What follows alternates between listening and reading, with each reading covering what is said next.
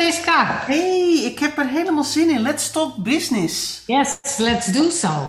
En ik heb er helemaal zin in, omdat uh, we hebben het uh, vorige week al aangekondigd. We gaan het hebben over Jim Collins. Ja, zeker. Good to great. Ja, mijn vriend Jim Collins. Ja, jij weet hier heel veel van. Nou ja, heel veel. Dat weet ik nou ook weer niet, maar... Jawel, jawel. Ik heb hem wel, ik heb hem wel, uh, wel meermaals uitgebreid bestudeerd. Nou, vertel eens. Wat, wat, is nou, wat is nou zo belangrijk aan het denken van Jim Collins dat wij besloten hebben om hem in deze serie als afsluiter te gebruiken? Nou, ik denk uh, dat uh, Jim Collins gaat over, ja, feitelijk over leiderschap. Hè? En uh, hij heeft met zijn team dan weliswaar onderzocht een aantal bedrijven. Die zo succesvol waren dat ze zeg maar uh, uh, ja, meer presteerden dan gewoon goed presteren. Eigenlijk excellent presteren. En die bedrijven heeft hij onderzocht om te kijken wat zijn nu de gedeelde waarden. anders dan markt, hè, want deze bedrijven zaten in dezelfde markt als bijvoorbeeld ook een aantal andere bedrijven die prima presteerden maar die toch niet excellent waren. En wat zijn dan die gedeelde factoren die maken dat zo'n bedrijf van good to great wordt? He, dus, maar voordat je gaat uitleggen wat die factoren zijn, hè? Ja.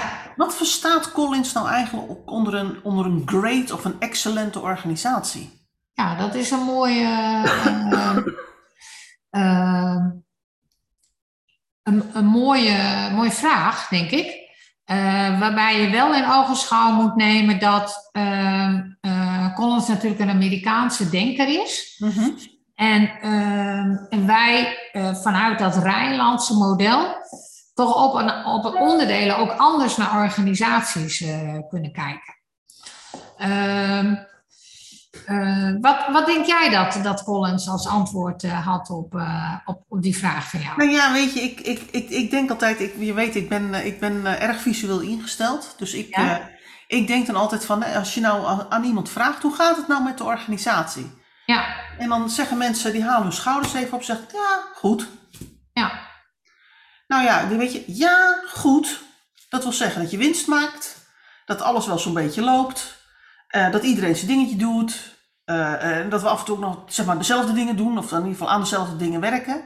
ja, Dan is het allemaal, nee, wel goed. Maar de vraag is of dat de norm is die je als organisatie moet stellen. ja, En volgens mij heeft Collins het daarover. Hè? Er zijn heel veel organisaties die doen het, nou, wel goed. Oh, leuk, goed, ja, Ja. gaat allemaal goed. Ja. En Collins zegt, maar weet je, je kunt de lat ook hoger leggen. Je kunt ook zeggen van, hoe gaat het met jouw organisatie? Nou, weet je hoe het met onze organisatie gaat? Het gaat fantastisch. ja, Excellente organisatie. ja, En dan weet ik wel, dan heeft hij allemaal criteria aan hangen. En dat is allemaal heel Amerikaans, zoals jij zegt. En wij zouden in het Rijnlandse denken er hele andere criteria aan. Maar, maar dit principe tussen, ja, goed. En het gaat fantastisch. Daar zit een verschil in. Op welke, op welke criteria je het ook hangt. Nee, dat klopt. En waar, waar hij, eh, en dat vind ik ook goed, hè? hoewel uiteindelijk zijn onderzoek, ook wel, zijn onderzoek ook wel een beetje gelogenstraft is, is dat hij, dat hij doorbraakt, die opgaande lijn vanuit verschillende perspectieven kijken en die Amerikaans meten toch vaak in, in winst wordt gemeten. Wij Ja. zouden daar Rijnlands eh, toch ook nog wat andere factoren aan, eh, aan hangen. Ja. Uh, maar uh, uh, heeft hij wel, uh, zeg maar, meerjarig bekeken. He, dus het was niet voldoende om twee of drie of vijf jaar zo'n opgaande lijn te laten zien. Nee, dat moest wel over een periode van meer dan 15 jaar. Ja. Nou zaten daar ook bedrijven in, zoals Fannie Mae en Wells Fargo. Nou ja, en ik hoef jou niet uit te leggen, maar bijvoorbeeld ook Philip Morris. Hè? Ik hoef jou niet uit te leggen hoe wij tegenwoordig naar dat soort bedrijven kijken. Hè? Fannie Mae en, en Fannie Mac waren de eerste faillissementen van banken in Amerika. Ja. En Philip Morris heeft met het kijken van nu over duurzaamheid en over gezondheid, heeft toch ook een andere connotatie. Dus om dat nou als een voorbeeld te stellen van een heel succesvol bedrijf, dat vinden wij dan hier weer wat lastiger. En ik denk tegenwoordig in Amerika ook wel.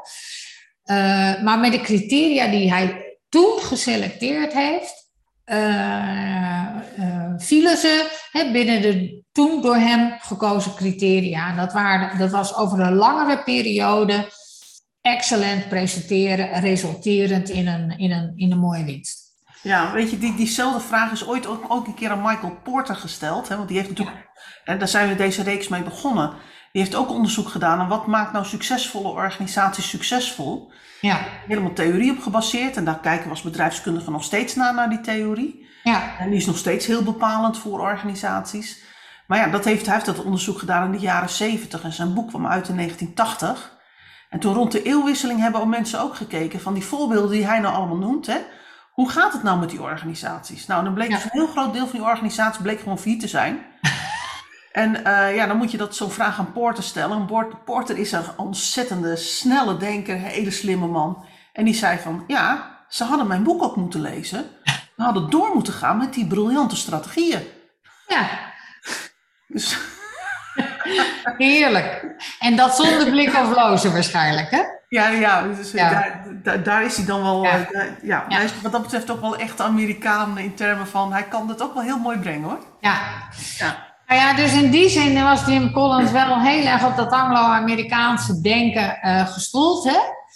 Wat de bevindingen van zijn onderzoek liet zien, en daarom vind ik het zo leuk, is dat dat wel ook een eind betekende aan het macho-tijdperk van hele narcistische, sterke, dominante leiders. Want eigenlijk kwam als, als, als grote bevinding uit het onderzoek van Jim Collins, dat die bedrijven die echt accelereerden, dat die eigenlijk veel meer, nou misschien bijna wel een verlegen leider hadden die, die heel erg faciliterend was aan de organisatie. En die niet echt volgens de klassieke leiderschapstheorieën en concepten leiderschapskwaliteiten schenen te beschikken. De, de traditionele leiderschapskwaliteiten, van sterke leider, follow me, ik ga voorop. Uh, heel ander type leider. Ja. Hij vond bijvoorbeeld ook dat die leiders heel lang bij een bedrijf zaten en eigenlijk daarin opgegroeid waren. Veel langer dan die macho-leiders. Ja. En hadden vaak ook heel veel rangen binnen de organisatie doorlopen, waren eigenlijk opgegroeid binnen het bedrijf. En hadden een combinatie van, nou, laten we zeggen, een persoonlijke eenvoud en bescheidenheid. En een onwrikbare professionele drijf en wilskracht als het erop aankwam te presteren binnen en voor het bedrijf. Ja. Totaal ander soort leider dan dat Amerikanen tot dan toe gewend was. Bijna een Europees, zeg maar, rijlands aandoende leider, zou je bijna kunnen zeggen. Mhm. die, die paste bij die uitstekend of accelererende Amerikaanse organisaties. Ja. Collins heeft zijn boek, je refereerde het al, hè? Ehm, eh, hij had eerder al een boek geschreven, Build to Last. Uh, en daarop volgde dat boek uh, met dat onderzoek van hem, hè? From Good to Great. En in dat boek beschreef hij eigenlijk zeven essentiële factoren waar een organisatie aan moest voldoen, wil het van good naar great kunnen, kunnen transformeren. Nou, dat, dat, dat, dat neigt natuurlijk nadat ik tegen jou ga vragen. Wat is de eerste factor? Ja, nou ja, dat was, dat was dus uh, dat, dat uh, ja, niveau 5 leiderschap noemde hij dat. Hij beschrijft in zijn boek een aantal stadia van, van leiderschap. En de hoogste vorm van leiderschap noemt hij dan dat niveau 5. Dat die, die, die combinatie van persoonlijke eenvoud en professionele wilskracht om dat bedrijf echt te laten accelereren. Ja, en, en um, Collins heeft, volgens mij is Collins ook degene die het heeft, zeg maar, erg promoot dat je leiders uh, van binnenuit moet gaan opleiden. Hè? Ja, klopt. Ja. Onder het motto van, uh, van als, je moet dus eigenlijk doen aan succession planning. Ja. Het creëren van je eigen opvolgers. Ja. Omdat iemand die opgegroeid is binnen de organisatie veel sneller uh, binnen de kaders van de organisatie en het belang van de organisatie centraal stelt. Boven iemand die van buiten komt en, die, en zich nog moet bewijzen in die organisatie. En dus zal gaan voor snel merkbare resultaten en winst. Ja, nou ja, grappige is dat hij ook anders dan dat wij vaak denken, uh, ook uitgaat, en dat is ook een hele belangrijke factor binnen dat boek, dat je eerst de, de, de goede mensen aan boord moet hebben. Ja. En dat je vanuit het hebben van die goede mensen de koers en de strategie dan vanzelf wel ontstaat. Ja. Nou, nou vind ik dat wel lastig hoor, moet ik je zeggen. Is, is dat niet wat we vorige week ook hebben besproken bij, oh, dan moet ik even nadenken, hoe bespreken we het ook alweer uit? Pieter Senji. Senji, ja, eigenlijk wel een beetje. Want die heeft het ook over van uh, dat ontwikkelen van de visie moet je eigenlijk doen met het hele team, waarbij iedereen input kan leveren, ja. zodat je elkaar kunt voeden met goede ideeën. Ja, en die, en die visie dus ook doorleefd is. Daar gaat het met name met Senji ook heel erg om. En gedragen is, hè, dus vanuit die integraliteit gedragen wordt. Ja. Ja, en, en uh, Collins is eigenlijk ook wel van die lichting. Terwijl wij hè, traditioneel toch eigenlijk altijd zeggen van ja, het bepalen van de identiteit van de organisatie en het uitzetten van een koers is toch wel voorbehouden aan een bestuur en een directie. Hè, dus het bepalen van die stip op de horizon. Nou, nou, nou vind ik daar, ik, ik vind de gedachte, het is een mooie gedachte en ook heel democratisch. Hè? Dus eerst de juiste mensen aan boord. En die mensen bepalen dan in gezamenlijkheid wel de koers en de strategie, want ze kunnen namelijk niet anders, zegt Collins. Maar ja, wat zijn dan de goede mensen? Hè?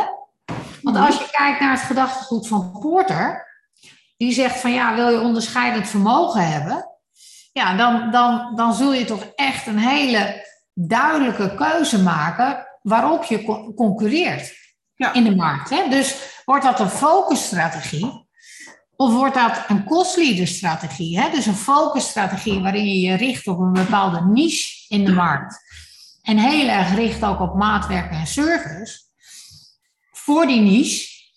Of uh, maak jij de keuze om je processen zoveel mogelijk te standaardiseren met als gevolg een voorspelbaar resultaat, waarbij je hoge volumina uh, door je organisatie wil gaan hebben.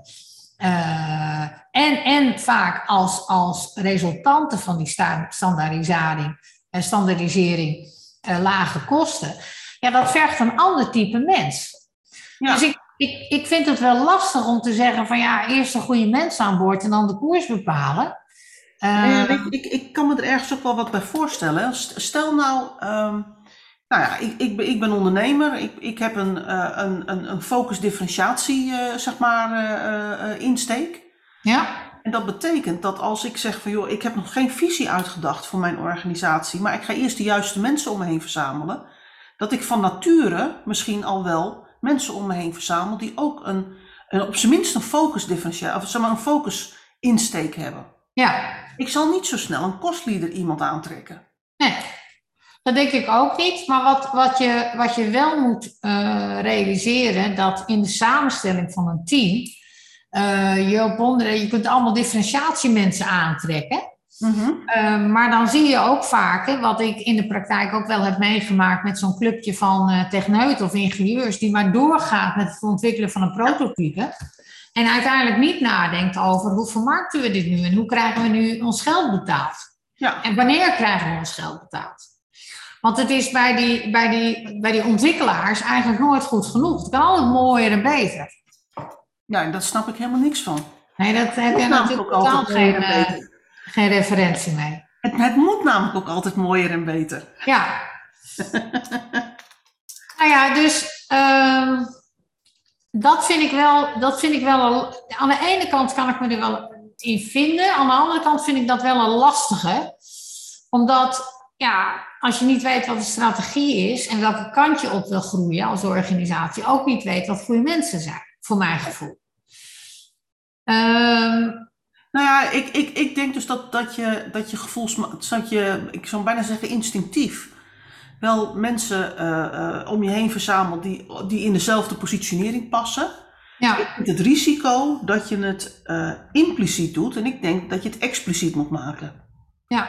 Omdat je daarmee voorkomt dat je toch toevallig de verkeerde mensen aantrekt, omdat je ze toevallig goed kent of goede ervaringen mee hebt. Ja, Je kunt het beter expliciet maken, dan weet ook iedereen waar hij aan toe is. ja dat denk ik ook. Ja. Ja. Ja. Dat, waar, bij, bij de hoeveelste eigenschap zijn we nu eigenlijk? Want ik ben Nou, we komen nu bij de derde. Oké. Vertel. Ja, dat noemen ze de Stockdale-paradox. Genoemd naar een generaal in de Vietnamoorlog. Eh, die heette man, die heette Stockdale. Ehm, en eh, die, die Stockdale, eh, die, ja, die, die, die, daarin werden in die Vietnamoorlog werden medewerkers wel met hele harde feiten uit het nu geconfronteerd. Maar ze bleven tegelijkertijd heel erg vertrouwen houden in het succes aan het eind. En, ehm, en dat, dat betekent dat je in het nu eh, wel eens kunt werken aan zaken waarvan je denkt van ja, hoe komt dat nou aan het eind? Maar dat roestvaste vertrouwen naar het eind toe en dat het dan goed komt, ja, dat, dat, dat, ja, dat zou je een paradox eh, eh, kunnen noemen. Maar het gaat er met name om eh, dat mensen kunnen omgaan met de werkelijkheid en met tegenslagen in die werkelijkheid, zonder dat ze het doel uit het oog verliezen. Ja. En, en die Stockdale-paradox die gaat dus eigenlijk ook over veerkracht in de organisatie. En, en, ehm, ja, en, en hoe je met die, met die veerkracht eh, in kunt zetten en om moet gaan. Ja. Ja. En niet de weg kwijtraken, want dat zien we in de organisatie wel eens. Hè? Dat je dus door tegenslag ja, toch weer andere eh, slag- eh, afslagen neemt. Hier, hier komt ook heel mooi eh, Stephen Covey om de hoek aan. Hè? Begin met het eind voor ogen, maar hou dat ook vol, zou Collins zeggen. Ja. En, Ondanks alle tegenslag. En voor mij zit hier dus ook heel erg dat, dat denken in schaarste en overvloed onder. Ja, En als zeker. je denkt vanuit schaarste, dan eh, denk je van ja, het zit allemaal tegen, het kan ook niet meer. Hè? Nee, Eh, en als je denkt vanuit overvloed, ja, het zit nu even tegen, maar weet je, dat komt ook wel weer goed. ja. ja. Ja, Zonder dat je daar de realiteit bij uit het oog verliest. Maar eh, hè, Ja, dat, is wel een, dat is wel een hele belangrijke. ja. Ja. Eigenschap nummer vier. Ja, dat gaat over een vliegwiel. Eh, en het vliegwiel betekent dat er een situatie wordt gecreëerd waarin verschillende activiteiten elkaar versterken. Ja. Nou, vanuit het management kan dit bijvoorbeeld door kleine successen of deelsuccessen te vieren.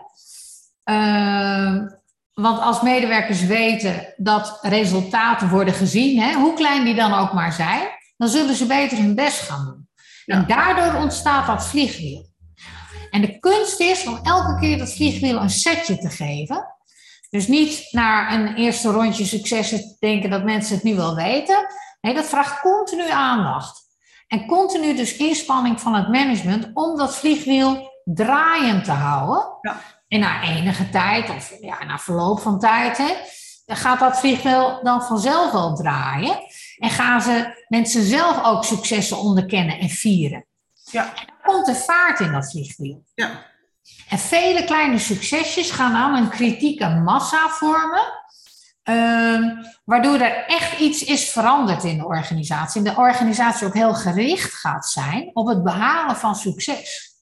ja. En dat is deels een mindset, maar deels ook een manier van met elkaar werken. En als je nou praat over eh, eh, die activiteiten die elkaar versterken, hè?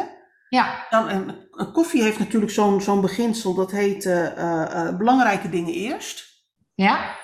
Zijn dit dan ook, hè, die dingen die elkaar versterken, zijn dat dan ook allemaal dingen die belangrijk zijn? Ja, uiteindelijk natuurlijk wel. Uiteindelijk wel dingen die bijdragen aan de doelstelling van de organisatie. Ja, precies, dat dacht ik En, die, en, en het een is natuurlijk eh, belangrijker dan het ander. En ze zullen aanvullend eh, zijn en elkaar opvolgend zijn. Hè? Maar ze passen wel allemaal in de realisatie van doelstelling van die organisatie. Ja, Daar gaat het vliegwiel ook door ontstaan. ja, mooi. Ja, Eh, ik zei net volgens mij eigenschap 4, maar eigenschappen zijn natuurlijk heel erg des koffies. Hoe, hoe noemt Collins ze? Ja concepten of eh, eh, factoren eigenlijk om van good naar great te komen. Oké. Wat, wat is de vijfde factor? Ja, dat noemen ze het egelconcept. En ehm, om dat concept goed te begrijpen, maakt hij een uitstapje naar de dierenrijk. En, en, en, en vergelijkt hij vossen en egels. En vossen, die schijnen, ja, ik vind vossen prachtige dieren en ik heb ze een enkele keer wel eens uh, gezien in het wild. Hoewel ze zich uh, niet zo heel erg vaak, volgens mij komen ze weer wat vaker voor in Nederland, maar uh, ze laten zich niet zo heel erg vaak zien, zijn schuw. Maar vossen proberen veel doelen tegelijk te verwezenlijken. En, en weten hoe ingewikkeld hun wereld in elkaar zit. Maar egels vereenvoudigen die wereld tot één centraal idee. Uh, en hun diepgravende inzicht zorgt ervoor dat ze door die complexiteit heen kijken en onderlinge patronen zien. Het egelconcept houdt dan ook in dat de organisatie drie dingen heel goed moet weten of moet noemen. Nou, en dat is wat ben je nou het allerbelangrijkste in? Dat gaat over talent. Hè? Wat kun je nou eigenlijk goed? Op welke brandstof loopt je economische motor? Dat is nou. nog steeds één? Nee, dat is twee. Dat is twee, ja. Ja. En wat roept hartstocht op? Dat gaat over passie. Ja. Dus het gaat over talent, het gaat over economie en het gaat over passie. Ja. En bij het eerste punt gaat het erom dat de organisatie weet eh, waar zij onderscheidend in kan zijn, welke talenten ze in huis heeft, of zoals wij wel eens spreken, welke sterkten heeft de organisatie nou? En zijn die nou zo distinctief, hè, zo onderscheidend, dat je daar een fundament op kan bouwen? Want dat is feitelijk wat Collins zegt. Ja. Um, ja. Tweede punt gaat over dat de organisatie als totaal maar ook de afzonderlijke mensen in de organisatie weten waar het geld nu eigenlijk mee verdiend wordt. Ja. dus het, het gaat erom dat duidelijk wordt welke bedrijfsonderdelen een zo groot mogelijke geldstroom kunnen genereren en winst dus kunnen maken. Ja, en dit is dan ook wel weer die hele Amerikaanse insteek, hè?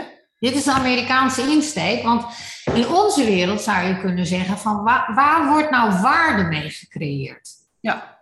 En waarde is meer dan alleen geld. Hè? Dat kan geld zijn, maar dat kunnen ook andere dingen zijn. Ja, het kan ook klantwaarde zijn. Of hoe wordt de patiënt verzorgd? Of hoe, wordt de, hoe worden onze, wat is de kwaliteit van onderwijs? Hè? Dat, is, dat is ook waarde. Ja.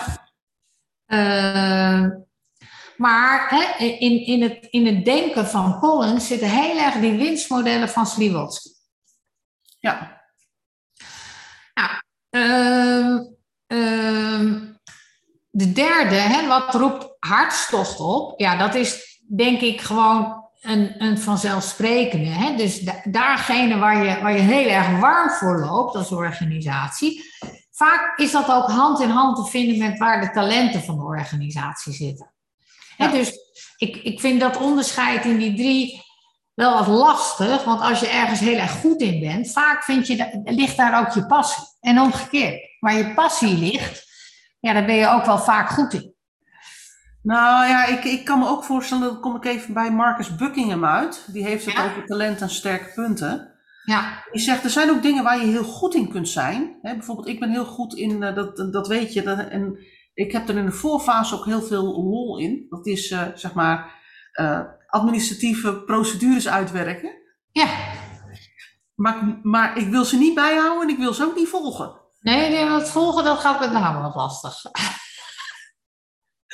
Maar ik ben er wel heel goed in om ze op te stellen. Ik ben ook heel goed om te beoordelen of mensen zich eraan houden. Ik wil alleen ja, maar... niet op aanspreken. Nee, maar dat is wel... Eh, kijk, daar zit natuurlijk wel een competentie onder. Namelijk ontwerpen of creativiteit om iets te ontwerpen. En daar zit ook wel jouw passie. Het ontwerpen ja, van iets. Voor, voor het ontwerpen en wel, maar het, je kunt natuurlijk heel veel ontwerpen in heel veel verschillende dingen. Dus je kunt heel goed zijn in iets waar niet je passie ligt. Nee, ja, dat klopt. Ja. Dat, dat, ja, en dat vind ik, eh, dat, dat is een van de inzichten die ik uit Marcus Buckingham heb gehaald. En die zegt, de passie gaat over de dingen dat als je, mensen, als je erover vertelt, dan moeten je ogen gaan glimmen. Ja. Dan krijg je die interne glimlach, zeg maar zo, ja. zo. Ja. Ja, en dan gaat het bijvoorbeeld naar boven en dan, ga je, en dan krijg je van die stralende oogjes van. Ja, ja, Wat zijn mensen bezig met hun passie? ja. Als je dit nu zo hoort, hè, Mhm. zeg je dan van nou, dit is hele hogere science van, eh, van Collins, wat hij eh, onderzocht heeft en wat hij beschreven heeft? Nee, ik, ik, ik moet heel eerlijk zeggen, ik, eh, ik probeer het dan toch even zeg maar, de link ook te leggen met wat we vorige week hebben besproken over Pieter Senge. Ja. Het is net zijn sensai. Dat is, dat Ja, is, eh, ja, een- het is een beetje Chinees nu, hoe we het uit moeten spreken. Eh, eh, en, en, en koffie. Hè? Daar zit- het gaat heel veel over leiderschap. Ja, En dat komt toch weer terug op elke keer op diezelfde basiselementen die koffie al beschreven, beschreven heeft als het gaat over leiderschap. ja, Ik vind de waarde van eh, wat we geleerd hebben over eh, lerende organisaties en wat we nu hebben over de overstap maken van een goede naar een excellente organisatie, vind ik dat, de, dat eigenlijk de inzichten van koffie bijna toepasbaar worden gemaakt in methoden en technieken die je kunt toepassen als je in een organisatie werkt. ja, Dus als het niet meer gaat over jouw persoonlijke ontwikkeling, maar over hoe, hoe begeleid ik nou een organisatie hierin? ja. Nou, het grappige is, vind ik wel, dat als eh, Collins eh, die fase beschrijft, hè, hoe dat nu gaat binnen een bedrijf, eh, in die ontwikkeling naar great, dan, dan, dan, dan zit zo'n bedrijf in een transformatieproces. Maar dan beschrijft hij wel drie fasen, waarin hij zegt van ja, in fase 1 hè, moeten de leiders wilskrachtig en onverzettelijk zijn. Hè, en moeten ze, moeten ze gedisciplineerd zijn. Ja, Eh, waarbij goede leiders hun talent gebruiken om de organisatie groot te maken. En, en slechte leiders gebruiken de organisatie om zelf groot te worden. Om, het, om maar een woordspeling eh, te gebruiken. ja, Tweede fase zegt hij van ja, eh, er moet gedisciplineerd denken zijn. Activiteiten waar we het beste in kunnen worden, activiteiten waar we passie voor hebben, activiteiten waar we geld mee kunnen verdienen, moeten onderkend worden. ja. En als derde fase moet er ook gedisciplineerd actie komen.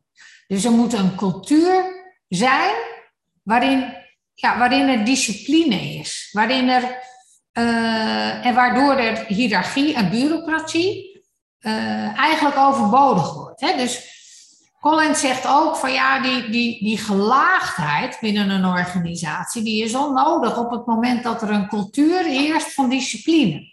ja. Ja, en, ik, en daar ja, denk ik van ja, het is discipline, discipline, discipline in de laatste fase. Hè? Dus van, van, van worden van, van good naar great. En daar heb ik zelf al wat vraagtekens bij. Omdat ik denk van ja, eh, zeker als we het vergelijken met Pieter Senji hè, en die lerende organisatie. Waar, waar zit dan de plaats voor bijvoorbeeld creativiteit hier? Nou, nee, dat, dat, dat- ja, dat, zie ik, dat zie ik dan toch anders. Hè? Ik, eh, ik kan me namelijk heel goed voorstellen dat je, dat je eh, een, een procesgang hebt waarin je borgt dat je aandacht hebt voor creativiteit. En dat je je dan gedisciplineerd houdt aan die procesgang. Ja, maar kan creativiteit plaatsvinden ehm, op basis van een gedisciplineerde procesgang? Ik vraag me dat af. Wel, ja hoor. Ja? Ja hoor, elke, elke eh, tweede dinsdag van de maand gaan wij smiddags brainstormen over nieuwe ontwikkelingen. Ja, oké. En dat kun je heel gedisciplineerd doen. Ja, En dan zou je het zelfs kunnen zeggen, elke tweede dinsdag gaan we gedisciplineerd brainstormen. Zeg maar, hè, ruimen we tijd in. Gaan we brainstormen over aanpassingen en verbeteringen in onze producten en onze processen. ja, Anderhalf uur over producten. ja, Anderhalf uur over processen. ja, En de vierde dinsdag van de maand gaan we het praten over marktontwikkelingen en wat we daarmee moeten. En eh, eh, eh, nieuwe ventures die we als organisatie kunnen opzetten. ja, ja, Heel gedisciplineerd. Ja. En daar kun je heel goed creatief in zijn. ja. Nu je het zo zegt, denk ik van ja, zo zou het kunnen, ja, inderdaad. Nou, kijk, ik toch weer, heb ik toch weer wat gewonnen met dit gesprek over Collins. En, ik, en Ja. ik, ik, ik zeg altijd als ik voor groepen sta, ik, stond voor de vakantie voor een groep van ondernemers in het zuiden van het land. En daar heb ik dit zelfs hartstochtelijk, passievol staan verdedigen. Ja. Dat ik vond dat ze meer tijd standaard moesten inruimen in hun managementoverleggen om over creativiteit en innovatie na te denken. Ja. Want het is nou eenmaal niet iets wat je er even tussendoor doet. Nee, ik denk dat je daar, eh, dat je daar een, een, een, een heel terecht warm pleidooi voor gehouden hebt. Ja. Ja. Dus, dus ik, ik vind discipline en, en creativiteit gaan heel erg goed samen. Alleen je, nou- moet, je moet de Ja? inhoud van je creatieve proces moet je niet willen procedureren. En, en dat, dat is waar ik een beetje bang voor ben. Maar op de manier zoals jij het beschrijft, denk ik van ja, zo zou het kunnen. Ja. En zo doen wij het eigenlijk ook, hè? ja, en ik denk ook dat dat een van de inzichten is die Collins heel erg gebruikt om van organisatie van ja, goed, Ja. naar, naar een het gaat bij ons fantastisch. Want wij hebben tijd voor dit soort dingen. Ja. ja. Wat is nou de, de grote waarde voor jou van het denken van Collins? Eh, eh, voor mij is Collins ik, nee, eigenlijk het, het besef dat, nou goed, dat dat, geen, dat dat geen doel is. Nee. En dat je, eh, eh, dat je verder kunt reiken als organisatie. En Ja. dat je met, met nou goed, dat je daarmee eigenlijk een, een, een, een, je, je eigen organisatie, je eigen talenten, je passie, eh, wat er aan resources in de organisatie zit, dat je die er gewoon tekort mee doet. Ja. Dat denk ik ook. Is, is dan wat hij schrijft hè, met die zeven factoren, is dat dan revolutionair nieuw? Nee. Nee. Maar ik denk wel dat het een, een heel mooi handvat kan zijn voor organisaties om te bespreken, ook intern. eh, eh, hoe, hoe komen we nou aan die stand dat goed wel goed genoeg is? Ja, weet je, de waarde en het inzicht van, van, van het onderzoek van Collins met zijn team zit voor mij met name ook in het soort van leiderschap. Ja. Dus dat je niet, niet dat, dat machistische leiderschap eigenlijk nodig hebt om een excellente organisatie te. Integendeel, hè, dat je veel meer een leider moet hebben wat veel meer een, een faciliterend, bescheiden type is. Maar wel heel vastberaden op de inhoud en op de passie en op eh, het resultaat van zijn onderneming wat hij wil hebben. Ja, En dus geen sinds een softe leider in die zin, maar een leider die zichzelf niet het belangrijkst vindt, maar de organisatie het belangrijkst vindt. ja, En wat ik heel mooi vond, is dat dat type leiders doorgaans het beste ontstaat als ze van medewerker de stap naar goede medewerker, naar competente manager, naar effectieve leider, naar uiteindelijk de eindverantwoordelijke voor de business worden.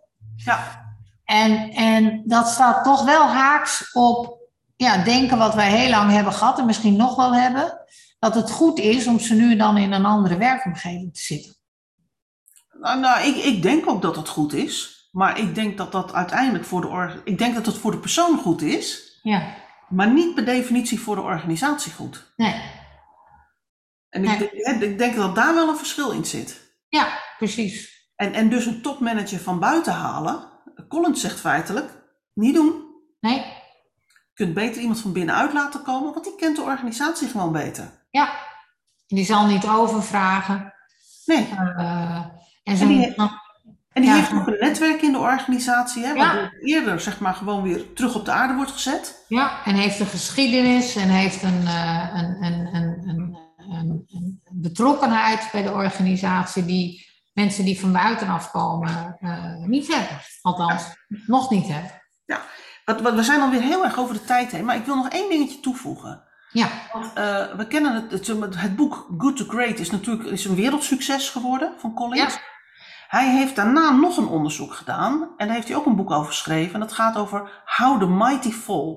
ja, Dus hoe nou hele grote organisaties die het excellent doen, great organisaties, ja, hoe die nou uiteindelijk ook, dat, hoe dat great zijn ook leidt tot verval. ja, En het, en het leuke is, als je dat boek leest, en we hebben daar ook een boekbespreking van gemaakt, een, een, een boekenboek over geschreven, is dat hij feitelijk zegt, als organisaties heel erg lang succesvol zijn, dan krijg je feitelijk alles waarvan hij zegt, wat je moet doen om, om great te zijn, dat raken ze weer kwijt.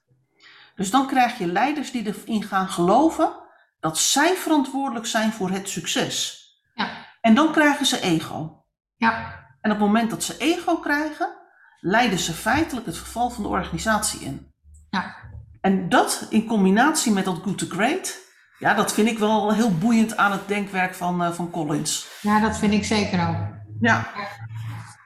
Ja, en ik zou me zo voor kunnen stellen dat hij later heeft gezien dat Fannie Mae en Fannie Mac failliet gingen. En dat hij dacht van ja, ik moet hier wel een vervolg op geven nog. Volgens mij heeft hij de Might, How the Mighty Fall al geschreven voor de financiële voor... crisis. Ja, dat zou best kunnen, want ja. dit speelde in 2008 en het onderzoek is ver daarvoor. Ja, precies. Ja. Maar dat betekent feitelijk ook dat hij het verval van deze organisaties zelf al heeft aangekondigd. Ja, ja. en dat is knap natuurlijk. Hè? En dat is heel zeker, zeer zeker knap. Absoluut. Nou, we zijn door onze serie heen. Het wordt, we zijn een beetje uitgelopen, maar ah, vijf minuutjes. Uh, uh, nou moeten we gaan bedenken wat we volgende week over gaan hebben. Ja, nou dat gaat, uh, gaat vast goed komen. We, gaan, we hebben vast wel iets waar we op dat moment over zeggen van, daar zouden we het over moeten hebben. Ik denk het wel. Ik ben nu al benieuwd. Ik ook eigenlijk. Ik spreek je volgende week. We spreken elkaar volgende week. Doei.